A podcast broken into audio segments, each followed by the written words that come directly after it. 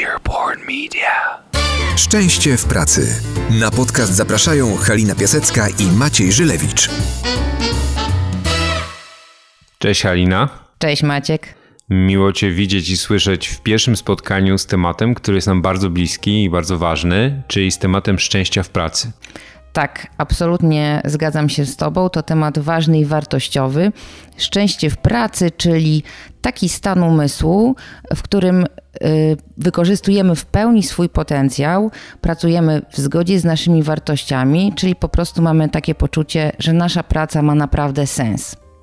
No właśnie, bo wyobraź sobie, że chodzisz e, do pracy na kilka, kilkanaście godzin dziennie i jeżeli ma być to dla ciebie miejsce, które pozbawia cię szczęścia, miejsce, które pozbawia cię energii, to myślę, że dobry moment, żeby coś z tym zacząć robić. Tym bardziej, że temat szczęścia w pracy w dużym stopniu jest zależny od każdego indywidualnie i nasz pracodawca czy miejsce pracy może nam w tym trochę pomóc, trochę przeszkodzić, ale to my zawsze jesteśmy właścicielami naszego szczęścia w pracy. Mhm. Szczególnie, że w tej pracy spędzamy ogromną część naszego życia, e, więc po prostu praca to jest też nasze życie, a o to szczęście w życiu warto zawsze zadbać. No właśnie, chcielibyśmy się z Wami podzielić tym, co robimy zawodowo w temacie szczęścia w pracy, bo mamy przyjemność i okazję spotykać się z niesamowitymi ludźmi.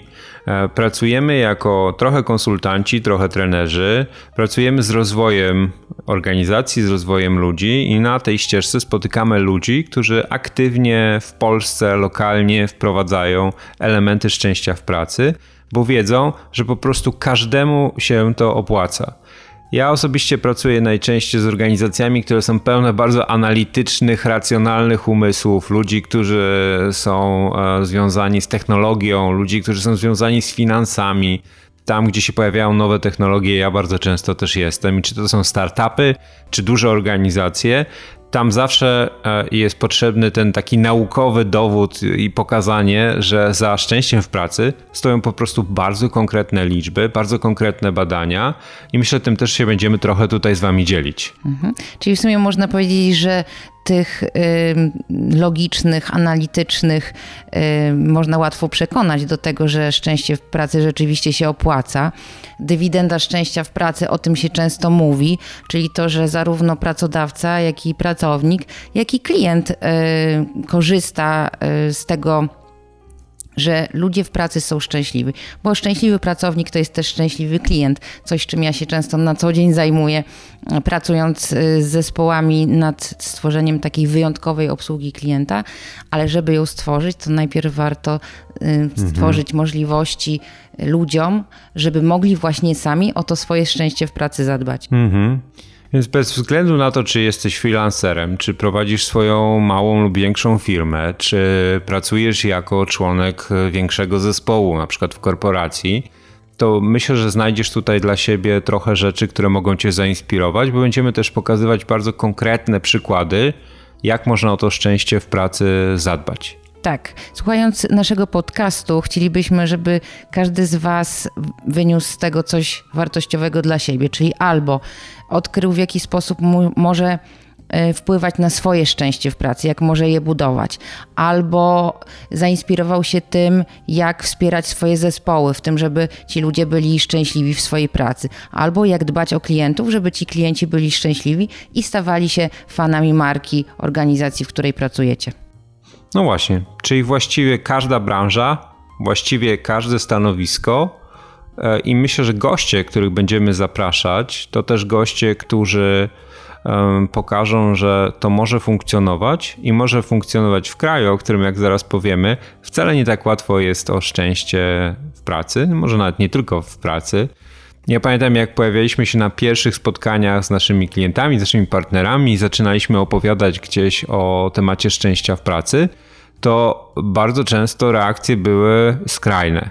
Czyli ludzie słyszeli szczęście w pracy i mówi, te dwie rzeczy nie mieszczą się w jednym zdaniu. Dokładnie tak było. Nie ma możliwości, żeby mówić o szczęściu, bo szczęście to można mieć w domu, po godzinach, ludzie zarabiają pieniądze po to, żeby wydawać je potem na swoje szczęście. No ale prawda jest taka, że my wiemy, i stoi za tym cała nauka, że szczęście w pracy determinuje też, jak się czujesz po godzinach. Tak, i teraz też y, bardzo często ważnym tematem dla organizacji ludzi jest cała sfera związana z y, wellnessem, well-beingiem i taką wysoką jakością życia, y, która pozwala mm, nam mieć poczucie, że te wybory, których dokonujemy, czy dużo pracujemy, czy też mamy mniej czasu na różne aktywności, które są dla nas ważne, są tego warte. Czyli, że ten sens naszego życia w pracy i nie tylko naprawdę jest. Okej, okay, no to dobra. A jaka była Twoja ścieżka w ogóle do szczęścia w pracy? Bo mówiliśmy, że klienci byli zaskoczeni, ale skąd ono się u nas wzięło?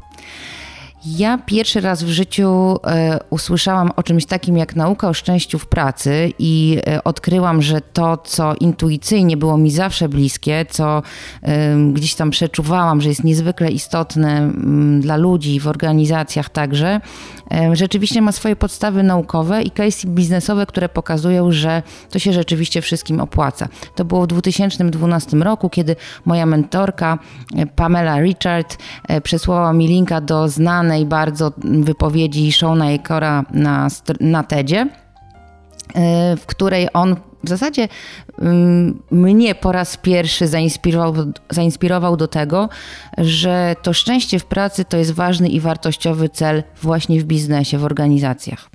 I to, to było coś bardzo też mhm. mojego, coś, co, e, co ja od dawna, czego ja od dawna poszukiwałam e, i w co wierzyłam od dawna, ale tutaj dostałam po prostu na dodatek twarde dowody, że tak po prostu rzeczywiście jest.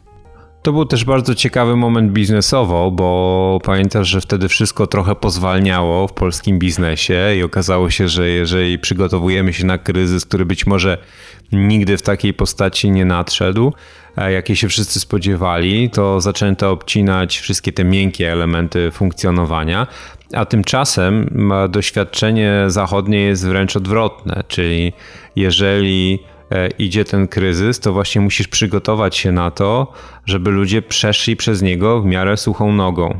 I żeby nie okazało się, że jak e, chmury czarne odejdą, to zostaniesz bez najbardziej wartościowych ludzi na, w swoich zespołach. Tak, a poza tym też. Yy jest taki mit związany ze szczęściem w pracy. Często ludzie myślą o tym, że człowiek, który jest szczęśliwy, jest zawsze uśmiechnięty, zadowolony. To jest taki stan Eldorado, gdzie cieszymy się, lubimy się nawzajem, zawsze nam się wszystkiego chce, mamy energię. To nie jest prawda, bo człowiek może być szczęśliwy w swojej pracy i czuć się w danym momencie źle. Właśnie może mieć moment, e, w którym jest mhm. naprawdę ciężko.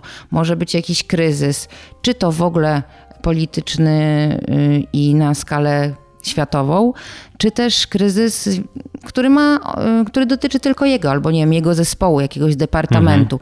Mhm. E, I bardzo duży, du, duża część takiego Y, właśnie obszaru związanego ze szczęściem w pracy, to jest umiejętność radzenia sobie w sytuacjach trudnych y, i korzystania z nich w przyszłości do tego, żeby być jeszcze silniejszym, bardziej pewnym siebie w dobrym tego słowa znaczeniu, być osobą po prostu, która radzi sobie także w sytuacjach trudnych. Mhm. No ja jestem takim dziwnym humanistą, który skończył też fakultet matematyczny, więc mam zawsze potrzebę znalezienia racjonalnych odpowiedzi. I o ile przeczucia, o których mi mówiłaś, też mi były bardzo bliskie i bardzo bliskie chyba w ogóle wartością, w którym my pracujemy, to potrzebowałem trochę więcej. Zaczęliśmy szukać i znaleźliśmy, mniej więcej w tym samym roku, znaleźliśmy właśnie iOpener Institute, czyli taką organizację, która od już dobrych kilka lat, kilku lat w Wielkiej Brytanii ale nie tylko, bo też e, wychodziła poza wyspę. Mm, szukała odpowiedzi w biznesach, dużych biznesach korporacyjnych, co to znaczy, że jesteśmy szczęśliwi w pracy i jak to wpływa bezpośrednio na nasz, e, no chociażby biznes. Patrzyli na parametry takie jak e, wyglądają akcje na giełdzie firm, jak wyglądają poziomy retencji i tak dalej, i tak dalej. I mm, e, porozmawiałem z założycielką Instytutu, Jessica Price, e, e, która prowadziła go w tym momencie. I wybrałem się do Londynu. To był już koniec roku, była fantastyczna taka przedświąteczna atmosfera. Mm, trafiłem na warsztaty, gdzie zobaczyłem, jakimi metodami w ogóle można to mierzyć. I wracając do Polski, od razu pobiegłem do naszego, jednego z naszych ulubionych partnerów, klientów e, i zaoferowaliśmy im, że zrobimy badanie takiego dość problematycznego zespołu. I okazało się, że wszystko to, co było gdzieś naszą intuicją, kiedy zapytaliśmy ludzi, co mają w pracy, czego im brakuje, zostało całkowicie odzwierciedlone w wynikach tego badania. To jest takie proste badanie, które mm, daje sygnały kolorami, czyli jeżeli jest jakiś temat i on się zapala na zielono, to wszyscy mogą spać spokojnie. Jeżeli na żółto, no to pora zacząć się zastanawiać, co tam nie do końca funkcjonuje. Natomiast jeżeli zapala się na czerwono, to wiemy, że mamy kryzys i trzeba od razu działać. I te intuicje zderzone z bardzo twardymi faktami, które wynikły z badania, to jest coś, co bardzo nas, ale też naszych klientów przekonało do tego, że warto inwestować w temat szczęścia w pracy. Mhm. I w sumie, w sumie też yy, słusznie powiedziałeś, że jesteś tym humanistą, które potrzebuje też racjonalnych dowodów. Ja z kolei właśnie jestem tą osobą, której intuicja wiele podpowiada. Nauczyłam się jej słuchać i, i mam bardzo często dobrą ocenę sytuacji. E, wiele widzę i wiem, mimo że nie jest to powiedziane. I pamiętam z kolei też e, nasz wspólny projekt, kiedy długo walczyliśmy o to, żeby naszą firmę wybrano w przetargu w projekcie dla dużej firmy farmaceutycznej. Pamiętam jak e, finalnie, kiedy zdecydowano mm -hmm. się na współpracę dla nas, hmm. e, dostałam informację zwrotną, że z jednej strony temat był absolutnie innowacyjny i słyszeli o tym po raz pierwszy, szczęście w pracy, ale z drugiej strony byliśmy jedyną firmą, która mówiła o tym z wypiekami na twarzy, wierząc w to, e, że to ma sens i sami e, swoją postawą pokazywaliśmy, że po prostu e, to jest naprawdę najlepsza droga także do tego, żeby właśnie ludzie osiągali sukces. Bo mhm. najpierw jest to szczęście w pracy, a potem dużo szybciej sukces, jeżeli o to szczęście w pracy zadbamy. No właśnie, bo to taki kolejny mit, który upada w nauce o szczęściu w pracy, że dopiero wtedy, kiedy przychodzi sukces, to pojawia się szczęście. A prawda jest zupełnie odwrotna jak przeanalizujemy sobie różne ludzkie historie, to najczęściej jest tak, że jeżeli złapiesz ten pozytywny wiatr, jeżeli zaczynasz zauważać e, fajne rzeczy i e, znajdować szczęście w samej drodze, nie tylko w samym dojściu na szczyt, to okazuje się, że ten sukces przychodzi dużo, dużo szybciej.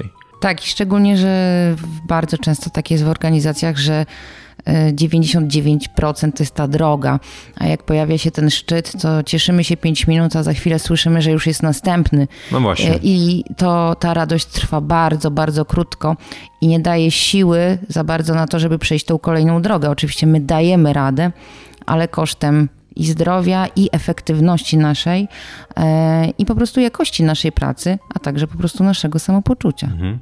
Zobacz, że są nawet takie zawody, które są skonstruowane wobec, e, wokół tego dość antycznego myślenia o naszej ścieżce zawodowej.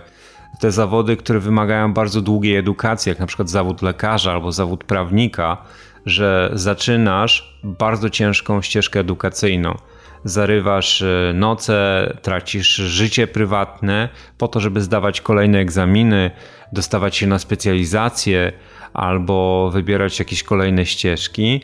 E, I potem okazuje się, że dochodzisz do jakiegoś miejsca i, e, i po prostu nie masz nawet siły, żeby się cieszyć tym, co udało ci się wypracować.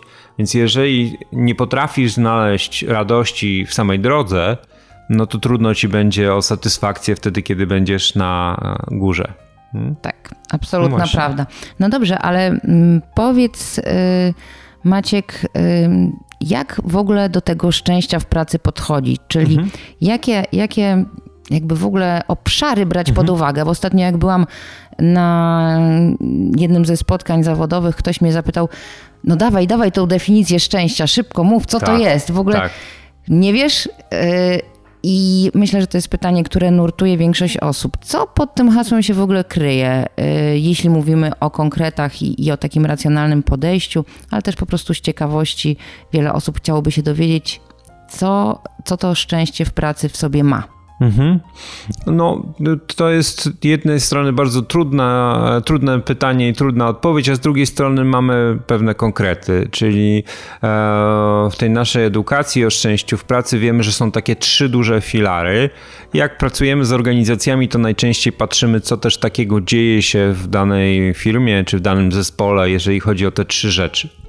Więc to, te trzy rzeczy to jest duma, to jest uznanie i zaufanie jakby po kolei. Duma, czyli bardzo, bardzo niepolski temat, dlatego że my uważamy, że duma należy do tego zestawu pojęć, które są też pozabiznesowe, bo my jesteśmy dumni, nie wiem, z naszych dzieci, z naszej ojczyzny, z naszej religii i tak dalej, i tak dalej. Czyli takie bardzo pomnikowe podejście do tematu dumy. A tymczasem nauka o szczęściu mówi, że duma to jest coś, co powinniśmy, czego powinniśmy szukać właściwie na każdym kroku. Być dumnym z tego, co się robi na co dzień, szukać tej celowości działania, czyli tak naprawdę zastanawiać się, co się staje lepsze dzięki mojej pracy codziennie. I to nie musi być tak, że jestem neurochirurgiem i ratuję ludzkie życia, tylko szukać tych miejsc w rzeczywistości, których być może komuś poprawiłem dzień, albo ułatwiłem komuś życie o, nie wiem, 5 minut więc tego szukanie tej dumy z prostych rzeczy i też organizacja czy zespół i otoczenie, które pozwala ci dumę znaleźć, i trochę ją celebrować. Tak, tak. A, a też y, myśląc o tych młodszych pokoleniach, y, dla nich bardzo ważne jest to, że oni mogą po prostu swoim znajomym powiedzieć na przykład, że e, oni naprawdę cieszą się, że pracują tam, a nie gdzie indziej, że robią kawał dobrej roboty, że nie zamieniliby na przykład swojego szefa na nikogo innego. E, tak. I dla nich to jest powodem ogromnej radości. Po prostu dzięki temu są w tej pracy szczęśliwi. Oni potrzebują naprawdę też takiego sensu yy, na co dzień. Mhm, dokładnie tak. Drugi temat, czyli uznanie. I myślę, że to jest kolejny temat, który w naszych realiach kulturowych jest tematem trudnym, bo znowu nie wiem, jakie jest Wasze doświadczenie, ale my najczęściej widzimy, że jeżeli e, pojawia się uznanie, to tylko za te rzeczy naprawdę wyjątkowe, takie, które no, sięgają jakichś szczytów Monteverestu. Więc jak to często mówimy, my nie chwalimy się za chodzenie po e, Sudetach czy Bieszczadach, czyli takich mniejszych górach, bo uważamy, że to jest normalna rzecz, to należy do Twoich obowiązków, więc za co ja Cię będę w ogóle chwalić? Mhm. Tak, bardzo często takie podejście mm, można zauważyć w polskim y, środowisku biznesowym, że jeżeli jest dobrze, to jest norma, nie ma po co o tym w ogóle mhm. mówić. To mhm. po pierwsze, e, nic bardziej błędnego, bo y, tu też sporo y, dowodów y, na to, że warto wyrażać uznanie, jest też w neuronauce, e, czyli jeżeli nasz mózg dostaje informację, że rzeczywiście robimy coś dobrze, to ma poczucie sprawczości i tym łatwiej mu osiągać też większe cele. To jest pierwsza rzecz. A druga rzecz, często słyszę od menadżerów, no nie będę go chwalił, nie będę go doceniał za to, co zrobił, bo tylko się rozpuści, i już osiądzie na laurach. Tak. tak. To też jest y, zupełnie nieskuteczna strategia, ponieważ jeżeli ktoś rzeczywiście coś robi dobrze i zasłużył na tą pochwałę, na to uznanie, to warto to powiedzieć. Oczywiście znowu to nie może być kadzenie i po prostu chwalenie dla zasady y, ale taka osoba, która będzie to słyszeć, jeśli robi coś dobrze i się po prostu będzie jeszcze bardziej chciało, ona będzie naprawdę w tej pracy wtedy szczęśliwa. Tak jest. I trzeci temat to jest zaufanie, czyli tutaj e, kolejna rzecz ciekawa w naszych realiach, bo zaufanie jest, e, my nie jesteśmy kulturą wysokiego zaufania, czyli raczej jesteśmy kulturą sprawdzania, raczej, raczej jesteśmy kulturą budowania procedur, które sprawdzają. I rzadko kiedy jest tak, że potrafimy na tym zaufaniu zbudować e, chociażby zespół.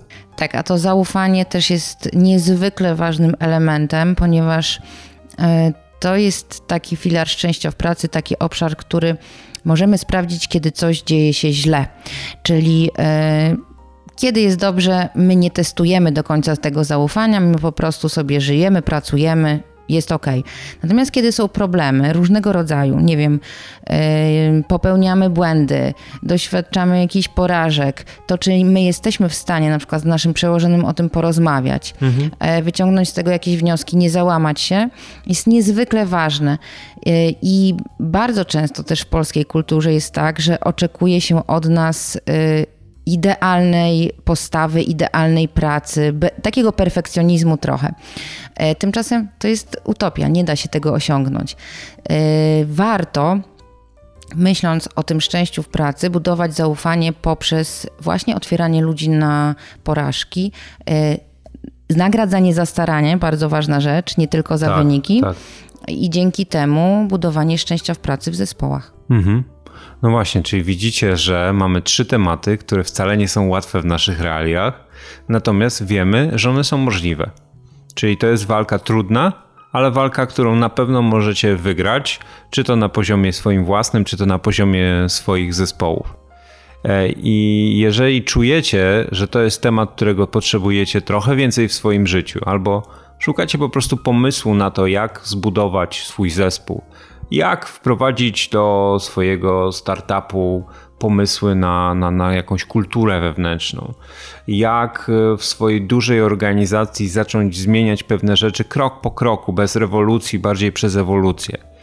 Albo jeżeli w ogóle szukacie swojego pomysłu na e, więcej szczęścia no w tym olbrzymim odcinku czasu, który my codziennie spędzamy w pracy, to zapraszamy Was już od kolejnego odcinka do słuchania naszych spotkań z osobami, które te kroki już zaczęły wykonywać. Jako, że my z reguły pracujemy z dużymi organizacjami, więc będziemy zapraszali ludzi z firm, które na pewno znacie, e, ale nie tylko z firm, bo będą ludzie też z organizacji pozarządowych, eksperci różnego rodzaju. Jedno ich łączy. To są ludzie, którym my naprawdę bardzo ufamy i którzy nas inspirują. Czyli zapraszamy takie postacie, które spotkaliśmy na swojej drodze zawodowej i o których wiemy, że e, nas zainspirowały do jeszcze mocniejszego działania w temacie szczęścia w pracy. Jak najbardziej. E, my także będziemy się dzielić swoimi doświadczeniami e, i inspirować Was, mówiąc o tym, co sami przeżyliśmy, co wdrożyliśmy, jak wsparliśmy zespoły i ich menadżerów. Tak jest, mamy historię. Mamy dobre historie o szczęściu w pracy, albo jego braku też i co z tym można zrobić. Więc jeżeli to Was przekonuje i chcecie dowiedzieć się trochę więcej, zapraszamy Was na kolejny odcinek. Możecie nas znaleźć na większości platform, które obsługują podcasty. Jeżeli Wam się to podoba, to prosimy o subskrypcję, prosimy o lajka, wrzucajcie nas na portalach społecznościowych i mamy nadzieję, że usłyszymy się już kolejnym razem. Dużo szczęścia w pracy. Życzę Wam Maciej i Halinka. Do usłyszenia. Szczęście w pracy.